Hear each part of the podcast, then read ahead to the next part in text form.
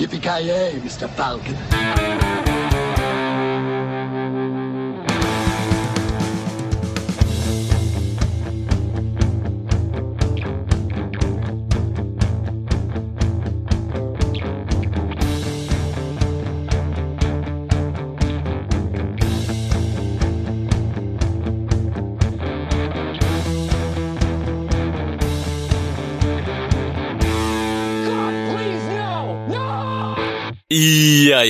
Folk, hjärtligt välkomna till ännu ett avsnitt av Creative Melton Podcast. Jag har med mig Kalle.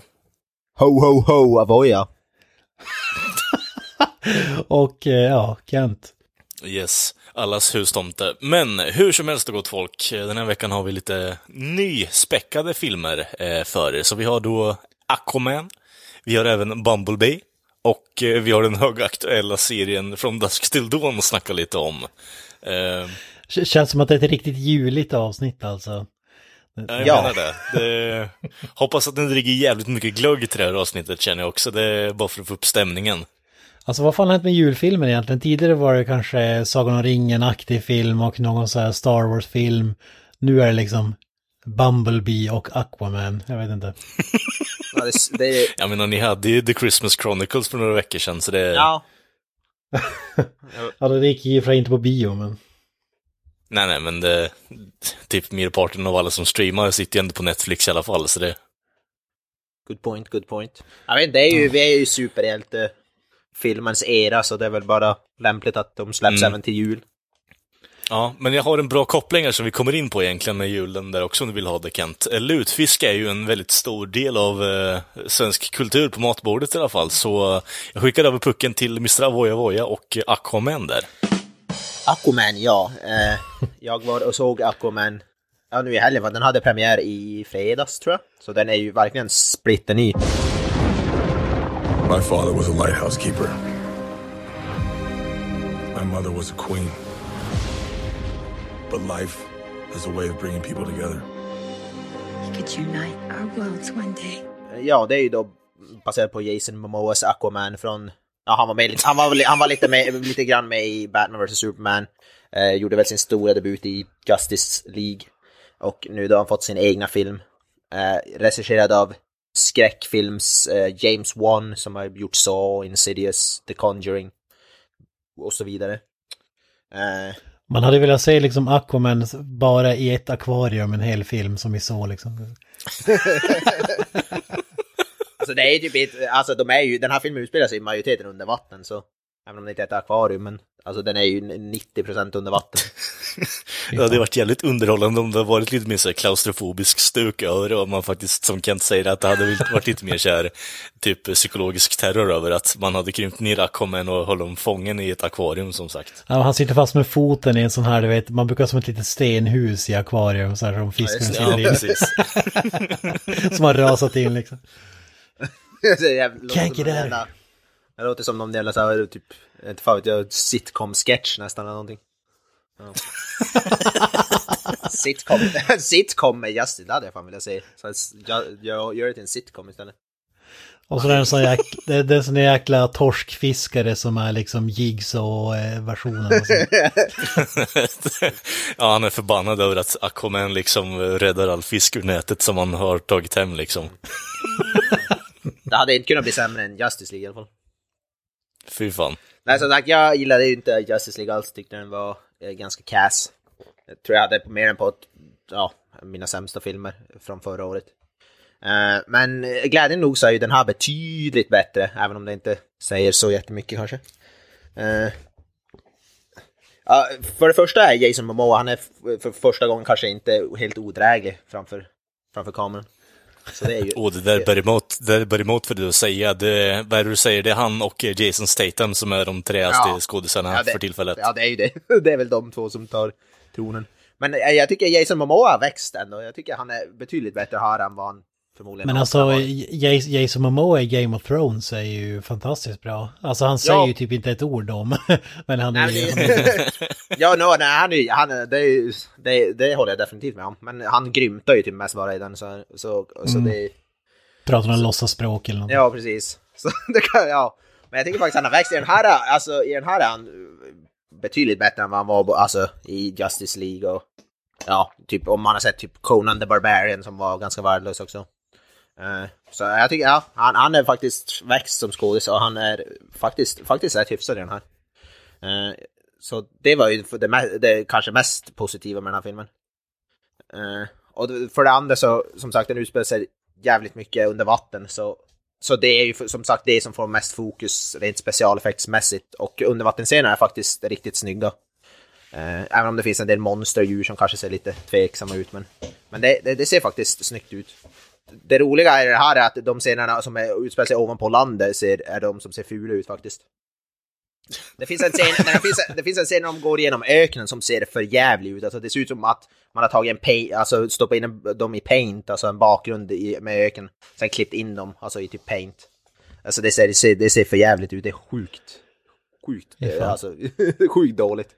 Eh, men när, när, är frågan, när, när gjordes den här? Gjordes den liksom, hade den påbörjats när Justice League gjordes eller kom den helt efteråt så att säga? Eller?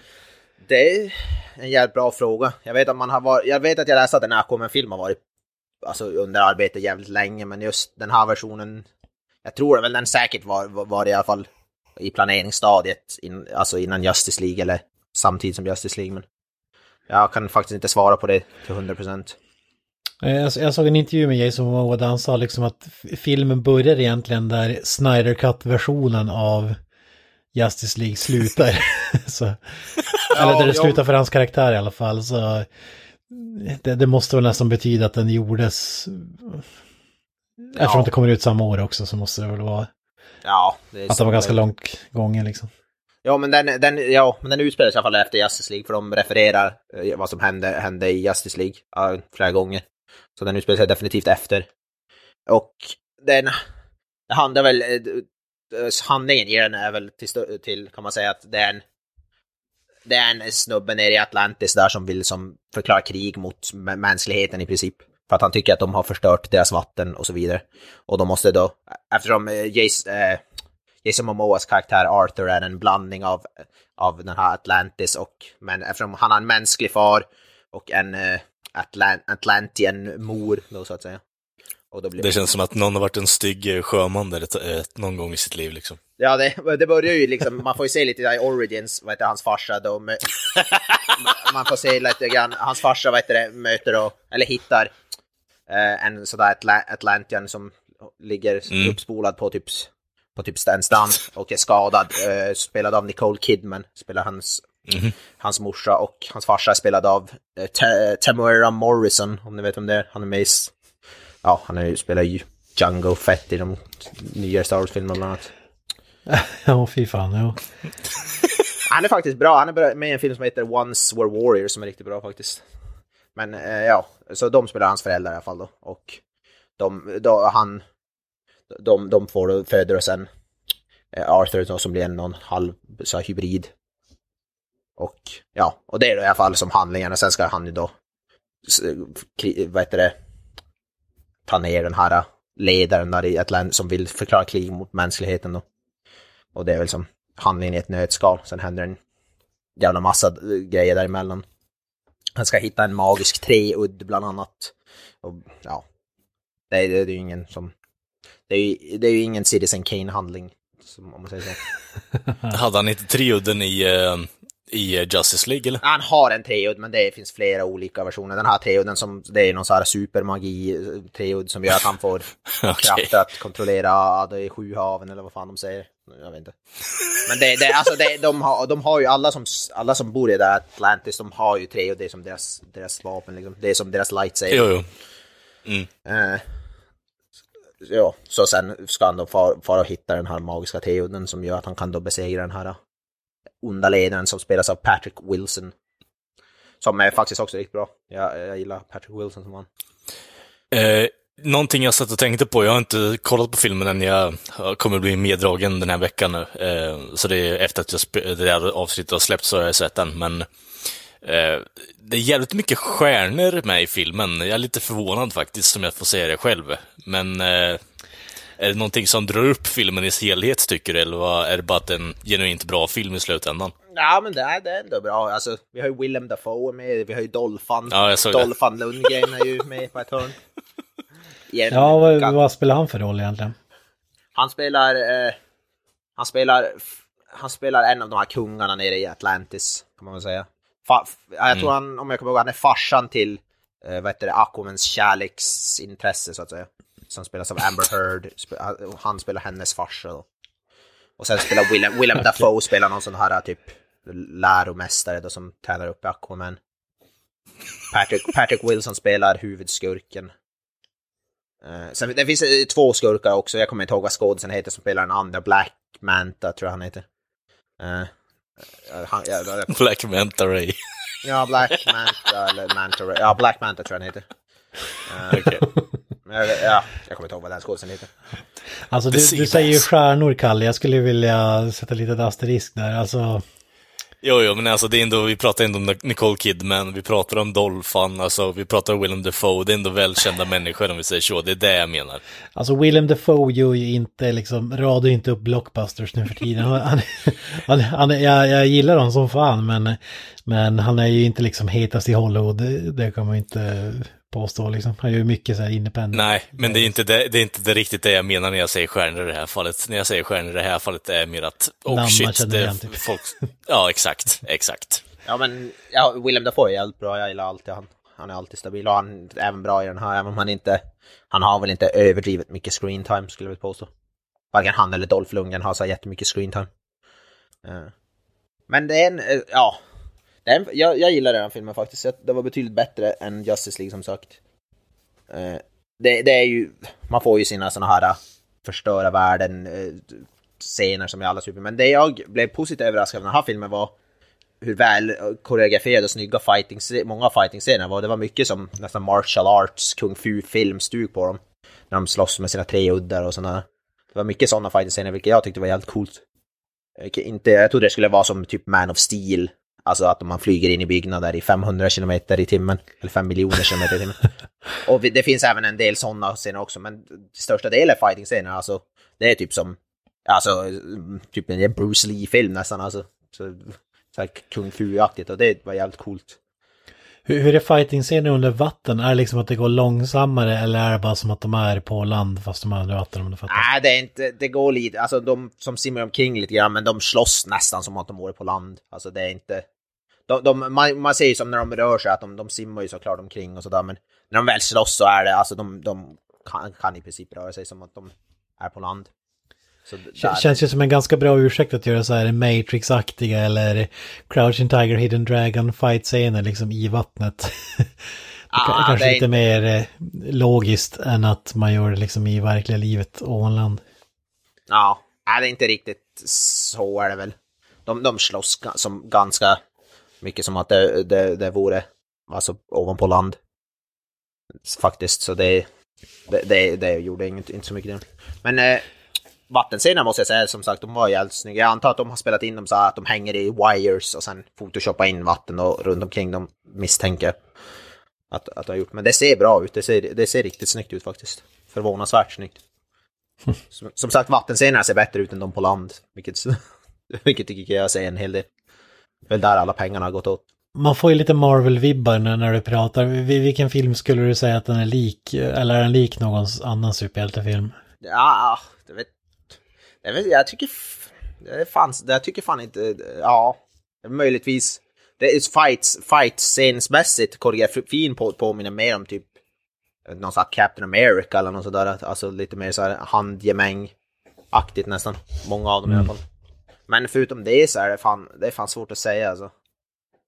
Eh, någonting som jag tänkte, för jag har ju sett trailern ett antal gånger för jag tyckte den var för jävla goofy, men eh, den känslan jag får är med att de försöker ta en lite mer lättsammare approach gentemot eh, Justice League, så att säga.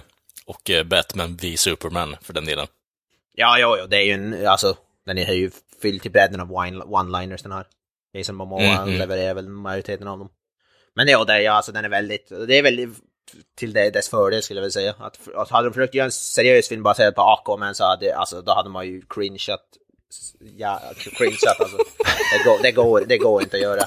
Det går inte att göra en seriös. Och det tycker jag väl man, de har fattat. Alltså, Aquaman är en ganska löjlig karaktär och man har som spelar på det ganska mycket tycker jag. Det, det, var lite av det, det var lite av det jag störde med i Justice League. Jag tycker att Aquaman faktiskt har sämsta karaktären där.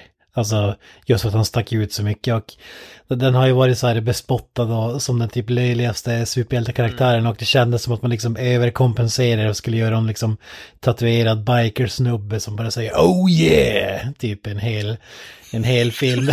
alltså jag tyckte det var väldigt så här hjärndött men han, det, i den här filmen är det alltså så att han har, han är mer än, än så då alltså eller? Ja, jo, jo. Han har, det är lite mindre oh yeah, han har fortfarande de scenerna också men är, han är ju fortfarande väldigt goofy, men det de har inte försökt att göra han... Jag tycker de har tonat ner den biten i alla fall lite grann. Så de har ja, det låter ändå bra. Ty, ja, han är fortfarande en hel del av de där, de där, vad heter det, typerna, men det är inte, inte lika grovt som i Justice League. Så ja. Och det är en jävligt cool, häftig slutscen också, är en sån stor strid i, i slutet där. Den är ganska kort, men den är jävligt mäktig och ser bra, snygg ut också. Så den, den, det var också riktigt coolt. Och eh, ja, som sagt, fighting-scenerna är eh, för, förvånansvärt mycket bättre än vad, vad jag trodde de skulle vara. Trodde det bara skulle vara typ Man of Steel, som sagt. Eh, så jag, ja, jag, skulle, jag är positiv. Jag skulle sätta en 7 av 10 i alla fall. Eh, ja, någonstans där, en 7 av 10. Mycket, mycket bättre än, än Justice League. Inte fullt lika bra som Wonder Woman skulle jag säga. Jag kanske skulle sätta den ungefär på samma nivå som jag tycker Batman vs Superman, alltså Ultimate Edition, är. Oj. Kanske, kanske snäppet bättre än den. Men uh, ungefär mm. där någonstans. In, inte lika bra, betydligt bättre än Justice League, inte lika bra som Wonder Woman. hur, hur, hur, hur rankar du DC-filmerna efter att ha sett den här? Wonder Woman är väl ändå bäst tycker jag. Alltså som sagt, den, jag, jag, vet inte om jag skulle sätta den här. Jag gillar Batman vs Superman Ultimate Edition, gillar, tycker jag är bra. Vanliga versionen tycker jag var riktigt, tycker jag var dålig. Mm. Alltså, det fan, alltså de skulle jag nog sätta ungefär lika, Aquaman och den, den, den skulle jag nog sätta ungefär lika och sen sen Justice League och sen Man of Steel är väl kanske sämst faktiskt. Okej, du håller den ja. sämre än Justice League. Ja, alltså det är svårt. De är, båda, de är båda dåliga tycker jag. Jag tycker inte om Man of Steel så de är jättemycket. Ja, det fanns, ja.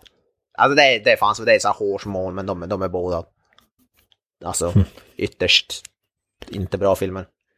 Men jag tycker Wonder Woman är väl nog klart bäst tycker jag ändå.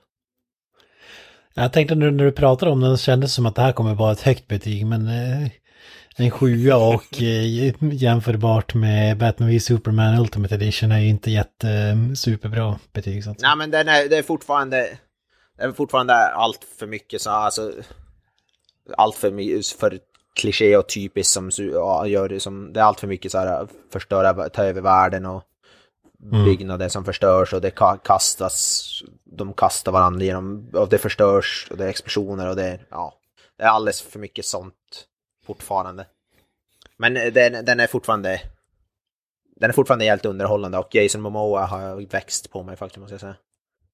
Och sen var skurken, även om Patrick Wilson är en bra skådis så är skurken inte, ja, han var, han var ganska så här tråkig, typisk så här, alltså typiskt sån där, sån där ta över världen, förklara krig mot mänskligheten, bla bla bla. Mm. Ganska, typ, ganska typiskt sån.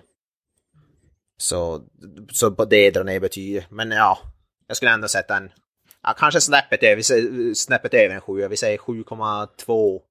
Jag tycker, jag tycker i alla fall han ska ha en eloge han James Wan att han lyckades göra en så pass bra film baserad på en så pass löjlig och spottad karaktär ändå. Det tycker jag är ändå en bedrift i sig självt. Det kanske är det just det som gör att fansen gillar den, liksom att man inte hade förväntat sig att, att den någonsin skulle få en respektabel tolkning liksom. Nej. Ja, förmodligen. Och som sagt, ja, Jason Momoa visar att han kan faktiskt någonting, även om han inte... Det är ingen Oscarsvinnande prestation han, men... Han, han kanske, han kanske bara är vad heter det, regissören det beror på. Vem som kan få ur en bra prestation ur, ur karn. Vem vet? Avslutningsvis, vad sätter du för betyg på Dolph Lundgren? Dolph Lundgren var med ganska lite, men han... Alltså hans... Han är bättre än sin frisyr i alla fall. Alltså, han, hans, hans frisyr ser ju, jag vet inte om jag har sett bilderna, men den, alltså, den ser Ja. ju för jäkla, för jävla komisk ut alltså. Han har, något, han har ju ty- någon typ av, uh, vad heter det, röd, så här helmet hair typ. Jag vet inte vad man ska kalla det. Det är så här, ser ut som att de har haft en potta på huvudet, typ klippt runt och så är det, rött. Alltså det, ja, jag vet inte hur man ska förklara det. Ja, han måste ju vara det bästa med den här filmen, det, det kan inte vara på något annat sätt alltså. Luktar Nej, var- Oscar. Han var faktiskt, han var, skämde ut sig mindre än vad jag, vad jag trodde Även fast han var med jävligt lite, men nej, han var, han var stabil. Måste jag ändå säga. Ja. Finns det någon chans att man får se honom i fler sådana här filmer eller?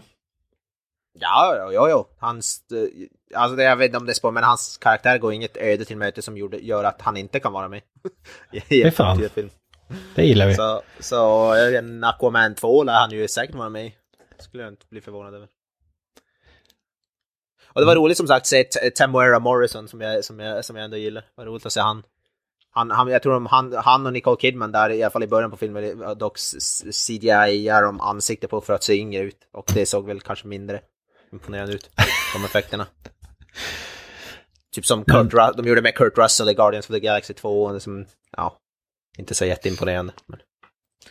Ja, ja. Django Fett, ja fy fan. Django Fett. Men som sagt, ja, han, är inte, han är inte så bra i dem. Men han är med i som en film som heter Once Were Warriors, kan jag rekommendera. Man vill säga, han där är jävla storspel, han är sjukt bra i den. Riktigt bra film. Men nåväl. Ska vi gå vidare till lite eh, Transformers-svammel? Ja, det kan vi väl göra. I'm Charlie Watson. I'm 18. Today, actually. Is the Beetle for sale? Kira's kid. Happy birthday.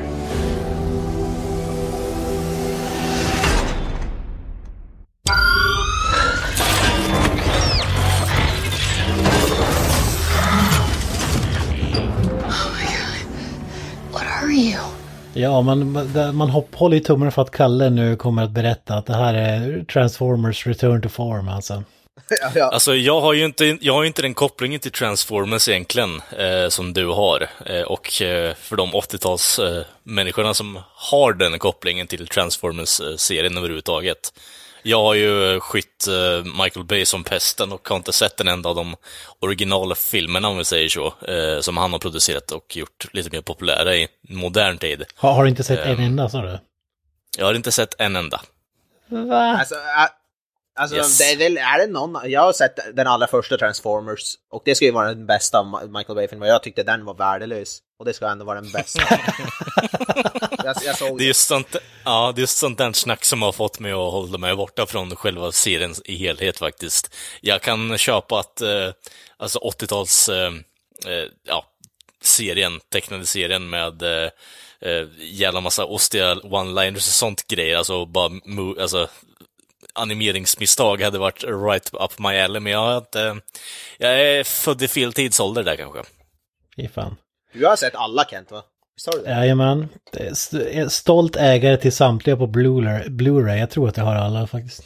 Är, är, det första som, Okej. är det första som är bäst eller?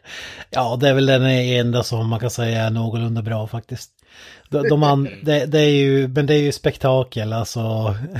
och, och som du säger, det var ju Transformers var ju, det var ju Transformers Turtles och He-Man och hela den här biten. När, när, när man växte upp, man har ju sjuk nostalgi, det är enbart därför man återvänder. Man, man återvänder ju inte för att filmerna var superbra, men alltså det känns ju för att det har gjorts animerade filmer jag vet inte om det var 80-90-talet så- som var bra. Så, så, så det går ju liksom att göra en bra film. Och, och, och man hoppas ju som att, ja men fan nu kanske det blir. Men eh, Michael Bays ande har ju vilat lite väl eh, tungt över de där filmerna. Så s- största problemet är att, det liksom skruvar i ansiktet. Att man inte kan se vem som är vem.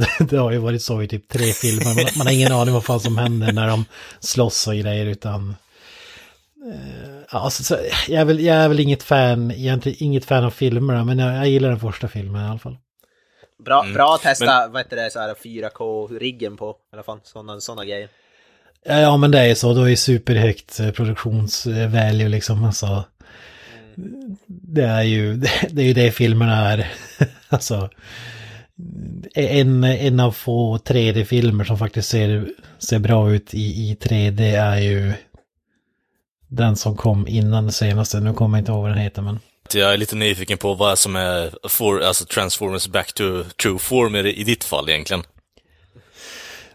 Ja men att, att se någon som liksom respektabel tolkning för att jag och Granström till exempel, man, man drömde ju liksom att få se en live action film av Transformers. Det var ju något som liksom, alltså det fanns ju inte på kartan. Alltså om du tänker vi, när vi växte upp så var det liksom Super Mario Brothers kom ju på live action och det var ju kanske inte Ja. vad man hade hoppats på. och eh, den typen av, av filmer, så det känns ju jävligt avlägset att- man skulle få se en Transformers eller Gundam Wing eller eh, Evangelion-film liksom med den här typen. Så det är ju det som, som lockar så att säga. Och som sagt, det har gjorts bra animerade filmer, eller en i alla fall, som, som är bra liksom. Men ja, man gör ju bara, man koncentrerar ju alldeles för mycket på, på människor och jag förstår ju varför att folk kanske inte vill se en film där robotar snackar i två och en halv timme eller vad det brukar vara, de är ju sjukt långa. Ja, ja. Men i, i det här fallet så kan jag säga att då kommer inte du bli nöjd över den här filmen, för det är jävligt mycket människor och eh, drama kring det. Eh, roboten eh, Bumblebee blir involverad en hel del i dramat i och för sig, eh, men eh, överlag så är det mer fokus på människorna runt omkring eh, och eh, den stora sideplotten är ju att man får följa en, ja, en nyligen 18-årig ung flicka liksom som eh, är lite, ja, har lite problem hemma. Eh, farsan är död och så vidare och morsan har gift in sig på nytt eh, och eh, får ju då träffa Bumblebee och eh, de lär lite av varandra i slutändan. Det är det filmen går ut på. Men det här är väl en prequel-film till, det här är väl typ Bumblebees origin story, är det inte så? Det här är väl mer i, mer eller mindre hans origin story i stort sett, ja. Eh, och det, det börjar ju med kriget på Cybertron, eh, som du säkert känner till. Och så får de ju fly därifrån. Eh, riktigt cool scen där faktiskt, men eh, allas Optimus Prime får glänsa i typ två minuter och sen så, ja, bye bye liksom till slutet i, slu, stort, sett, i stort sett. Men eh, ja, jag vet inte riktigt. Det, det är ganska lite med det som man eh, jag förknippar med Transformers överlag, som du säger, att Lauren ligger ju där och vilar lite, men man får inte riktigt ute på rätt sätt eh, helt och hållet, i och med att det stora hotet är ju att det är massa Decepticons eh, som eh, i stort sett bara jagar efter de här och försöker få reda på vart Optimus Prime är, som det är ganska uppenbart i och med att han är ledaren. Typ i alla filmer. Men, ja exakt. Och eh, ja, Bumblebee är ju den som då lyckas skicka iväg signaler när han har kommit till jorden och eh, han har blivit förföljd och får eh, dels sin röstmodul utsliten, eh, så han pratar ju inte eh, genom hela filmen. Han, sett. han gör inte den här heller, för det är det som är de andra filmerna. Mm. Han pratar genom att spela upp så här radioklipp, eh, bara massa Mm, ja, det är det han gör. andra grejer. Ja, precis, Ja, och det är det han gör i den här filmen också. Alltså. Eh, Man kunde i alla fall Däremot kan är jag- röst för fan. Alltså det är ju... Herregud alltså. Alltså, ja, jag vet inte riktigt. Jag, jag tyckte ändå att, för att, för, kort side-note bara, jag satt ju och kollade på den här på um, Lucia Movie Night i Norrköping på SF. Och eh, de säger då att, ja men, eh, och det är lite så här blandade random filmer som de visar innan de kommer ut på eh, ja, marknaden i stort sett i Sverige. Och eh, bara, ja, men ja, vi har en film här som visas en vecka innan eh, mer än en vecka innan USA-premiären, så uh, håll till godo bara. Eh, uh, vad fan kan det vara? Satt jag på den och dividerade kring bara. Kan det vara Mary Poppins? För då kommer jag liksom vilja skjuta skallen av mig direkt efteråt.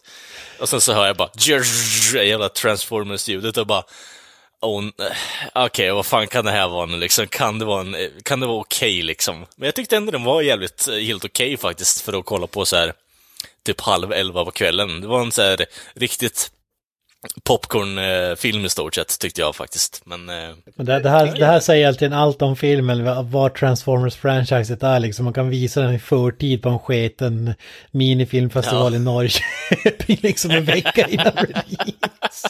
Jag tycker ändå det lo- du att det, du säger att det inte är inte så mycket om det här äh, action, att det är lite mer fokus på människor. då. Det låter ju mer Mm. lovande än en typisk Transformers-film tycker jag. Det, Mm. det får ju mig mer ja, men det var ju, ja, men det var ju på något sätt, alltså man eh, fick ju någon form av eh, lite mer eh, sug efter de här actionscenerna i slutändan, tyckte jag i alla fall. Så det var ju den här perfekta filmen att slå på sådär sent på kvällen. Lite hjärndött. Man kan ändå följa med vad det är som händer med karaktären och liknande. Och eh, jag vet inte riktigt, jag, jag tyckte faktiskt den var helt okej i slutändan. Jag kom därifrån ganska positivt överraskad. Så mm, bra jobbat. Det är inte så här eh, Michael Bay som har producerat den, men eh, Travis Knight eh, som har regisserat den. Han har ju för övrigt gjort Kubo and the Two Strings också, eh, animerad film. Ja, Som jag tycker är jävligt bra faktiskt. ja, det är det enda filmen. Han har bara gjort en film tidigare och den animerad film. Ja, precis. Jag hade, hade ja, aldrig hört han- talas om den, jag kollade upp den just här in, nu när vi satt och pratade. Mm, mm. Så den är bra också säger du?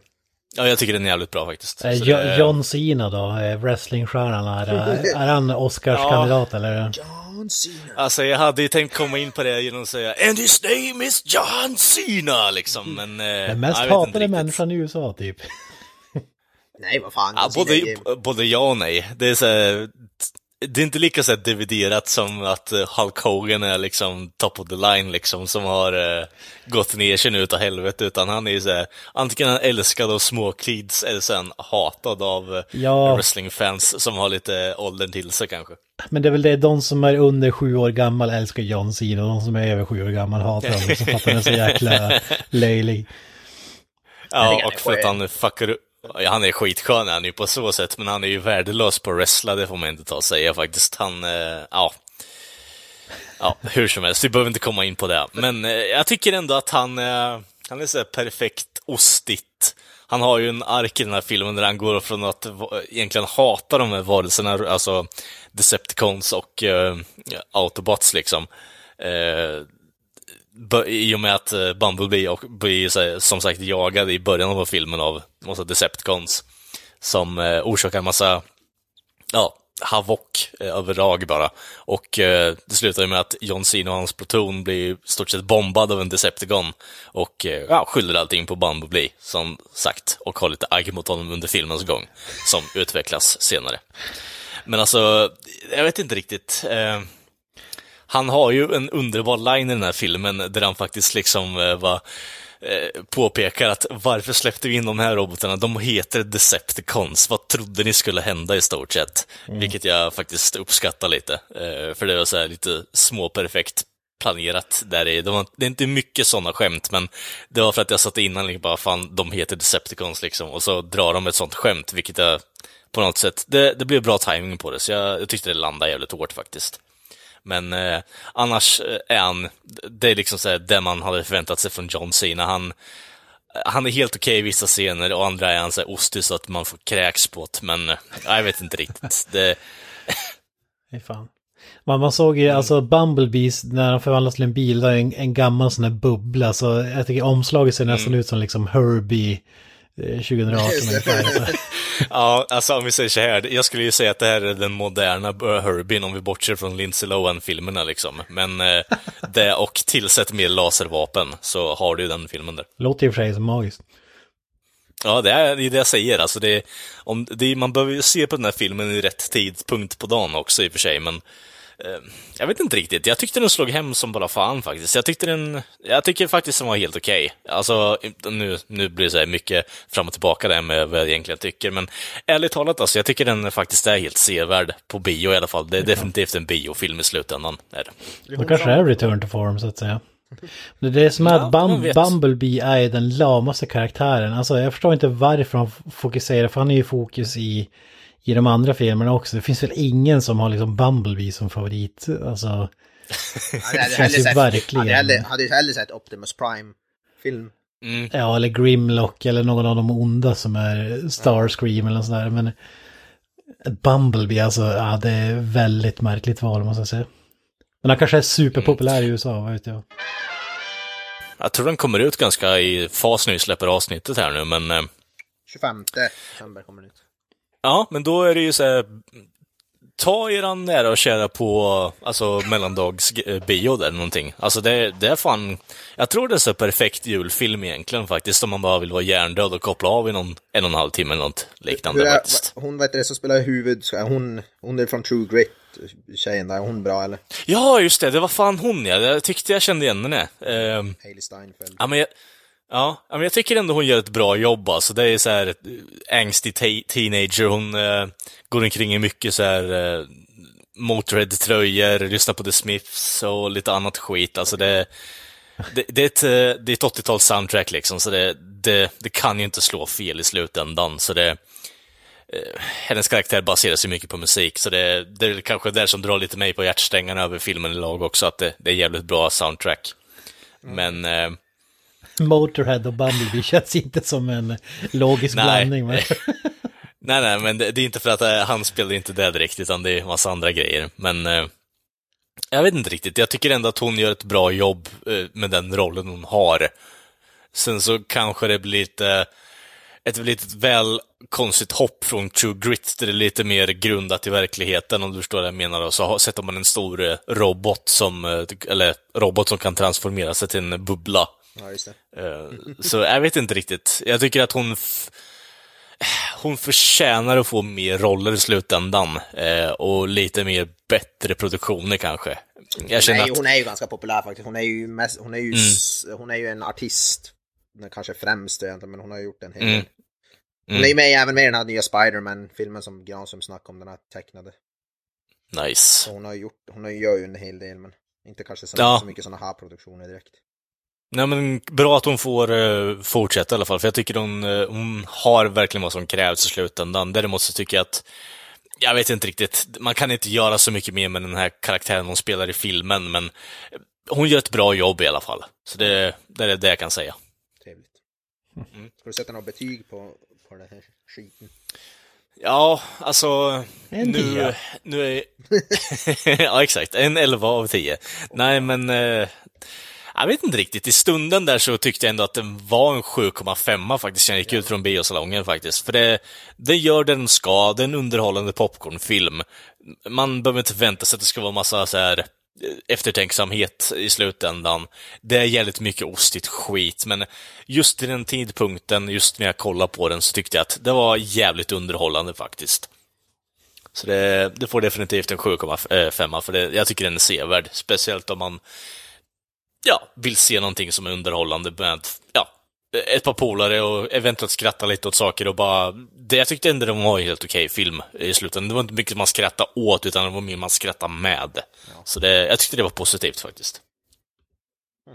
Ja, jag har aldrig varit sugen på en Transformers-film, men kanske får se den här. Kanske Mm. bättre än... Nej, men det var väl i stort sett det jag hade om eh, våran gulbruna vän. Så Kent, eh, på tal om gul och brunt, jag vet inte riktigt kopplingen där lite halvdan, men eh, från dusk till dawn. Ja, eh, vi kan göra en koppling. Jag skulle ha gjort, egentligen gjort kopplingen till eh, Timura Morrison som faktiskt är med i From Dust Till Dawn 3. The Hangman's Door. Är det? Jajamän. Så, jag, kommer fan, jag kommer fan inte ihåg någon av upp... Jag kommer ihåg att, eh, vad heter det, vad heter han, Ro- roboten från Terminator 2 är med i en av dem. Vad heter han, Robert Patrick? Ja, magiskt. Ja. ja. Som för övrigt också är med i serien också, kan man ju säga, Robert Patrick. Jajamän. Det är ju, jajamän. det är ju ganska coolt. Ja, Man kan säga Robert Patrick tror jag var med i den andra filmen. Jag tror inte han är med i den tredje. Om jag minns rätt. Nej, nej, andra, ja, andra. Det stämmer tror jag. Ja, T-1000 alltså. Får en egen serie i princip. Det är ju magiskt. Gött. Eller rättare sagt en serie där han inte dör i första avsnittet eller någonting. ja men eh, From Dust, From Dust Till Dawn det är ju en film från 1996 som regisseras av Robert Rodriguez och marknadsfördes väl stenhårt som att det var Quentin Tarantino som har skrivit manus och screenplay om man minns rätt. Screenplayet i alla fall. Mm. Ja. Så, Det är så, fun- så när filmen fact. kom så var man ju, tänkte man, åh fan det är en Tarantino-film liksom. Men det, det var ju Rodriguez visar så, som inte var lika känd då. Inte idag heller. Men. Nej, precis, men eh, jag vet inte riktigt. Det är en kultklassiker för min del. CC Top har ju gjort en eh, låt eh, med en musikvideo till den här också, så det jag vet inte riktigt. Eh, top notch här. Och eh, som sagt, Cheech Martin med Ap- Apple Pie Pussy och eh, Strawberry Pussy och whatever the fuck liksom. Tom, Savi, Tom Savini är ju, kan ju spela en av de coolaste karaktärerna i filmen. Ja, det, det är nog fan min favoritkaraktär, alltså Sex Machine. Absolut.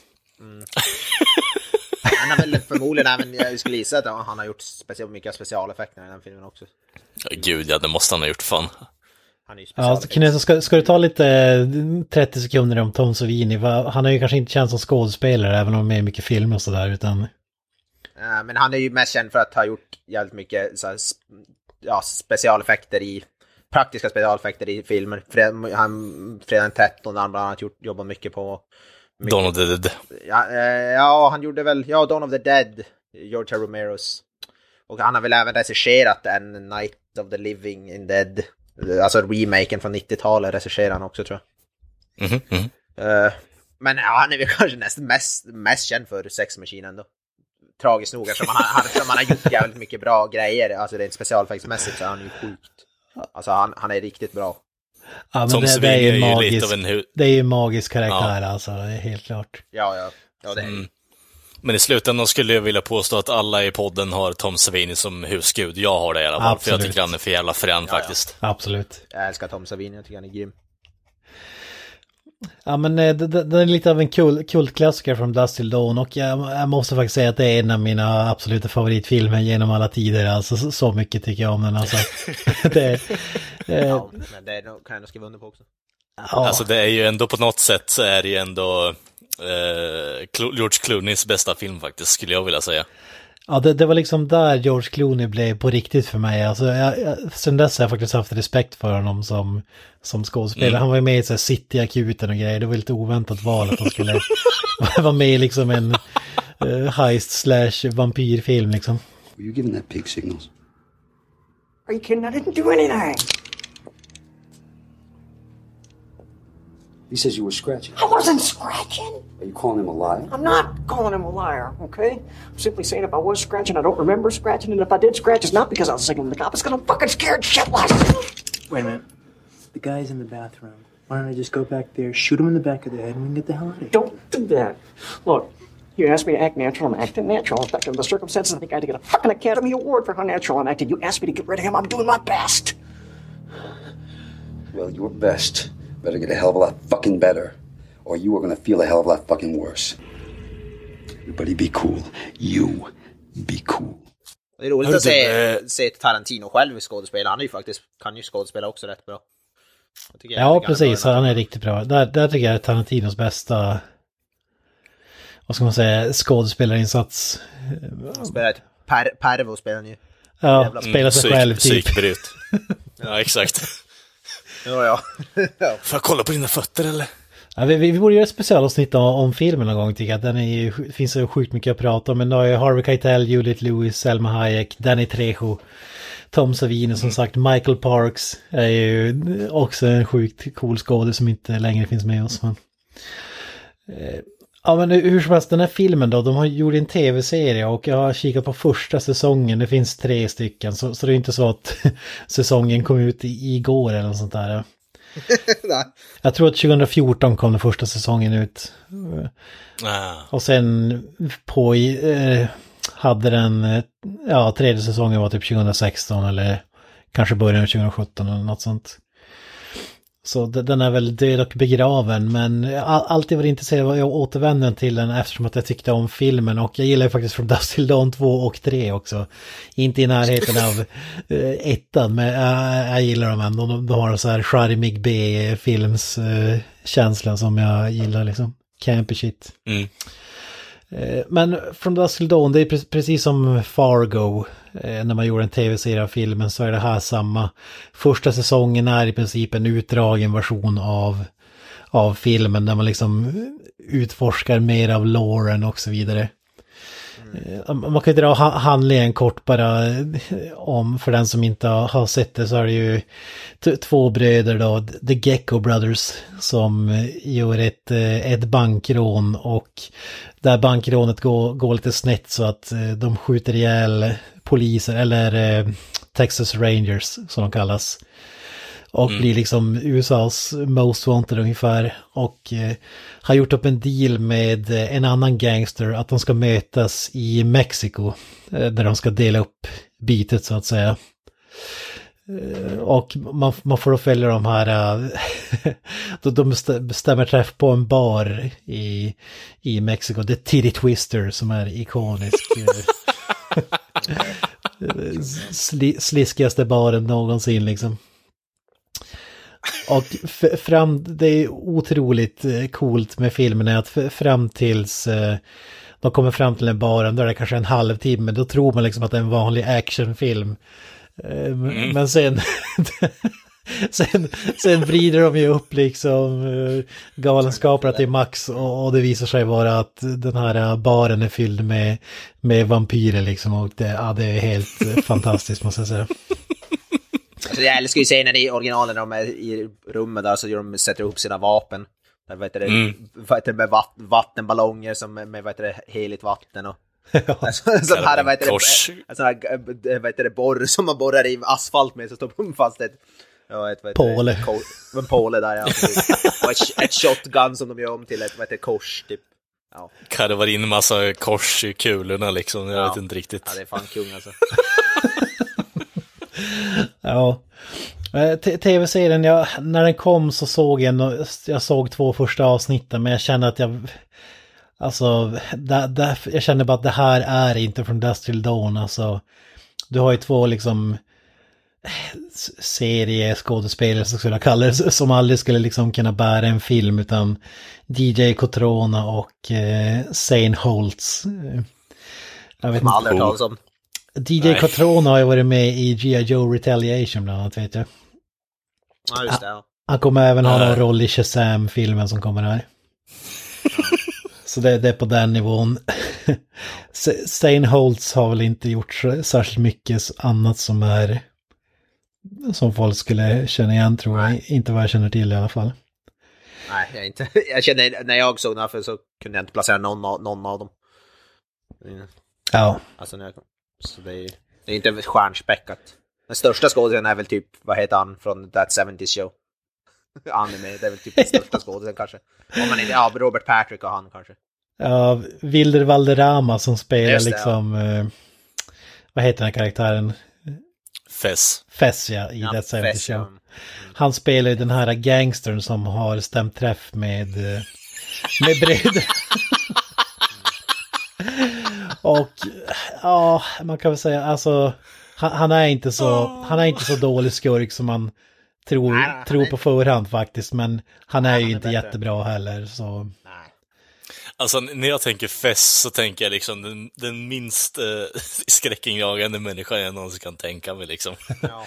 Ja men det är lite så här, det är som när Steve Urkel tar av sig glasögonen, alltså i...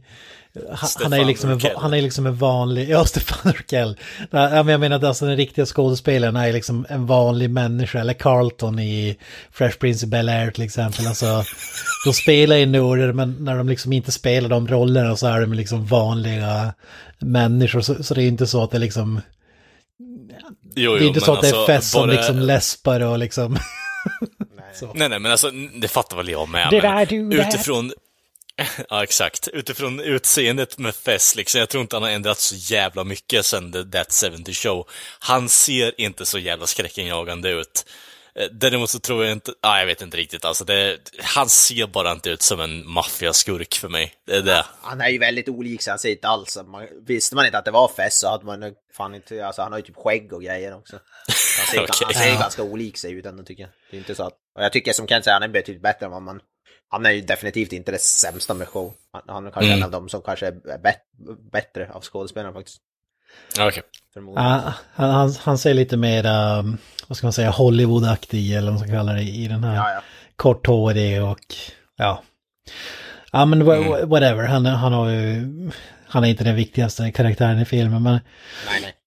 det, det är ju även eh, Robert Patrick då som spelar, det var ju Harvey Keitels roll i filmen, en, en sån här farsa till ett gäng, gäng barn, en, en pastor då som är på väg på genomresa och eh, för, för att de ska ta sig över mexikanska gränsen så, så försöker de utnyttja att de har en husbil och liksom tar hans barn till gisslan och ja, vill att han ska köra över dem helt enkelt. Eh, annars är det ju, vi har ju även, det är lite sm- små spoiler men whatever. vi har ju, Jake Busey är ju med i den här filmen också. Jesus. Gary Buseys son. Ja, han spelar någon slags professor eh, som liksom är expert på, eh, som polisen tar hjälp av, för, de- för de jagar ju de här bröderna och tror att det är de som är den här vampyrsekten liksom som mördar människor överallt. Men det visar sig att det är det ju inte utan Det är ju de som håller till på det Titty Twister, vampyrgänget som är eh, som är de värsta skurkarna.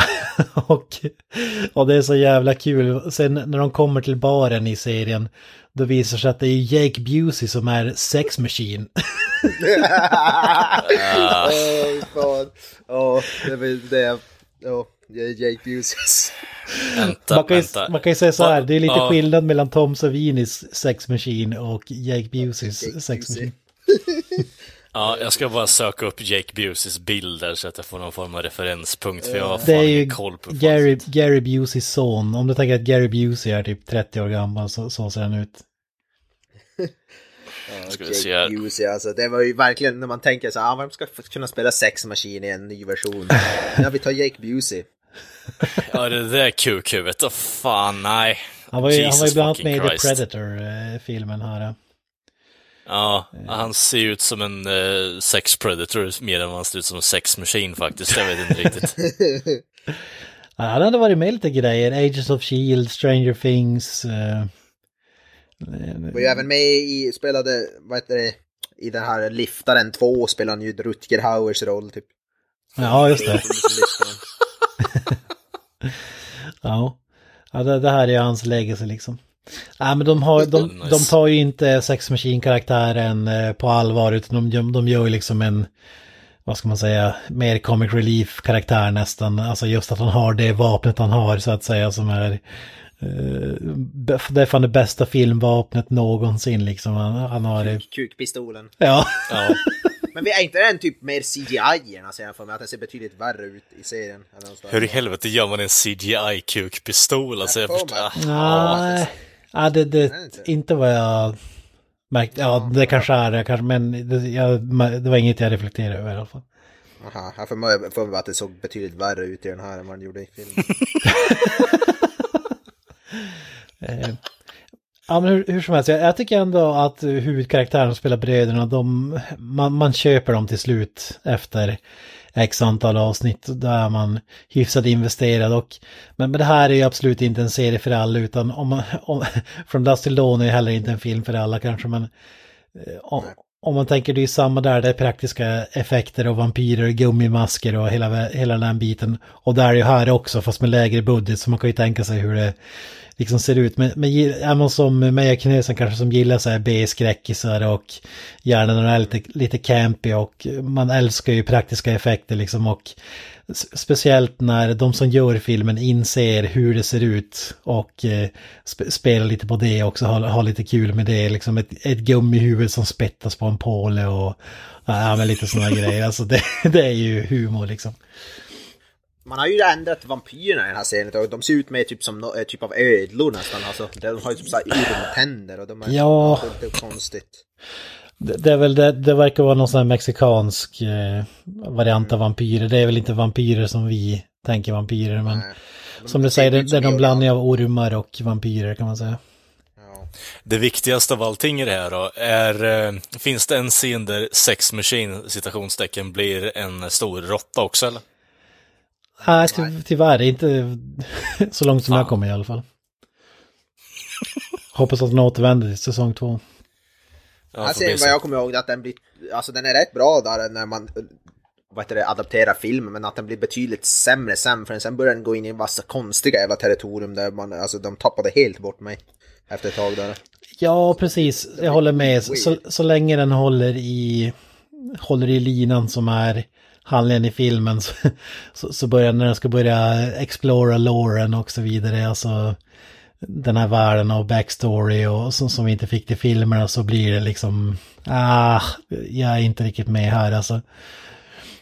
Så den är väldigt ojämn skulle jag säga. Men jag tycker ändå, jag har ändå kämpat mig igenom säsong ett utan att känna att det var så här slöseri med tid eller någonting. Utan det är bara en... Eh, lite som Ash vs. Evil Dead eh, fast inte lika bra gjort kan man säga. med skådespelare, Jag inte lika mycket Jag, jag har ju sett första, men jag har sett typ halva säsongen, det blir sämre jag för mig att säsong två, om jag kommer ihåg rätt, att den, den börjar inte alls speciellt bra. Det var därför jag inte såg färdigt säsong två, för den var inte... Aha, jag, har hört att säsong två är bättre än säsong ett. Det är därför jag har kämpat mig igenom säsong ett. Men det, det får, Ja, då har man liksom blåst på konfekterna så att säga. Jag kommer inte, jag som sagt bara såg bara halva, jag kommer ihåg att den var betydligt sämre för de, de, de går in i massa så här, alltså väldigt konstiga ter, alltså, territorium, de går in i någon typ av de går in i någon typ av annan, de, det handlar ju handlar om någon magi där sen och de går in i någon typ av så här annan dimension och det, det, jag vet inte vad det var för de höll på med. där. Okej. Det var skit, det var skitkonstigt på något av. Men det viktiga är att Danny Trejo är med i säsong två. Ja, Danny Trejo är med, det, det är sant. Han spelar någon typ av Bounty Hunter typ eller något sånt där. Det är det jag ser fram emot i alla fall. så, så, så jag ska i alla fall se det- tills han kommer in i handlingen. Han kanske måste se om ändå säsong ett och sen se. Jag vet inte var se- serien är väl lite någon i limbo nu tror jag, för de har, la väl officiellt inte ner serien men de, de, samtidigt så har alla skådisar, deras kontrakt har typ löpt ut och här grejer. Så den, jag vet inte vad som riktigt händer med den serien just nu. Ja, okej. Jag tror inte, jag tror inte de har lagt, officiellt lagt ner den. De har inte sagt något men... Ja. Ja. Det, om jag ska sammanfatta det så om man gillar filmen tror jag att man kan tycka om det här. Jag- behövde lite mer distans till efter att ha sett första avsnitten och, sen återvända för att verkligen ge det en chans. Så jag tror inte, det är, det är inte så här jättelättsmält kan man säga utan det kräver att du verkligen vill, eh, vill se den så att säga. Det är Eh, betydligt mycket mer så filler också. Alltså det är ju inte, först, filmen håller ju ganska högt tempo eftersom det är en film och den här har ju lite mer så utdragna scener. Och kan vara lite tråkiga också emellanåt. Ja, det känns lite battla den vampyren, springa tillbaka, gå och battla en annan vampyr. Li- Lite så. eh, Som inte känns så jättehäftigt. Och jag Men- gillade inte heller delen med sheriffen här som jagar dem. Jag tyckte de var ganska tråkiga. Om jag kommer ihåg rätt också. Det är ju som den här story med han också, på en sidostory typ. Problemet med den är att all, all, all, det hade funkat i en film där du kunde få en ganska snabb upplösning av det där tjafset. Men här måste de dra ut på det av förklarliga skäl för att man kan ju liksom inte döda maincasten i direkt och så vidare så det blir lite utdraget så, så där håller jag med om. Men ett stort plus för att Don Johnson är med i ett kortare.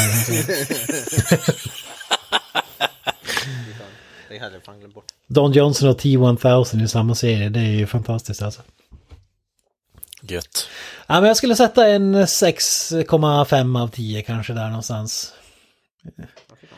Det krävs nog det att man är fan av From Dust Till Dawn för att man ska få ut någonting av det, men jag tycker ändå att det var helt okej. Nice. Nu blir jag sugen på att se om originalfilmen dock faktiskt. Ja, samma här faktiskt. Jag är sjukt sugen också, vi, vi måste fan göra ett, ett avsnitt om den alltså. Nej, nej, vi kan dra, dra Robert Rodriguez i säcken, jag vet inte. Det Nice. känns som ett riktigt juligt avsnitt där alltså. Mycket härlig... Jä, jävla blandning alltså. Mm. Ja, det är underbart. Det är underbart. Någonting för alla. Men som sagt, gott folk, då, ni har ju då lyssnat på ännu ett avsnitt av Creative Meltdown Podcast och eh, ni hittar oss på sociala medier som Facebook, Twitter, Instagram och YouTube. Vi har ju även Spotify för er on the go, så att säga. Och eh, sen har vi den där hemsidan som vi alltid pluggar. Eh, hade vi några mer tilläggsord där, grabbar, innan vi avslutar? Jag vill ha tomt eh, skratt från Knösa. Ho, ho, ho. Smartare än en average. Ja, exakt. Yogi Bear. Åh, fan. Ja, ja, happy holidays och up the irons. Bye bye.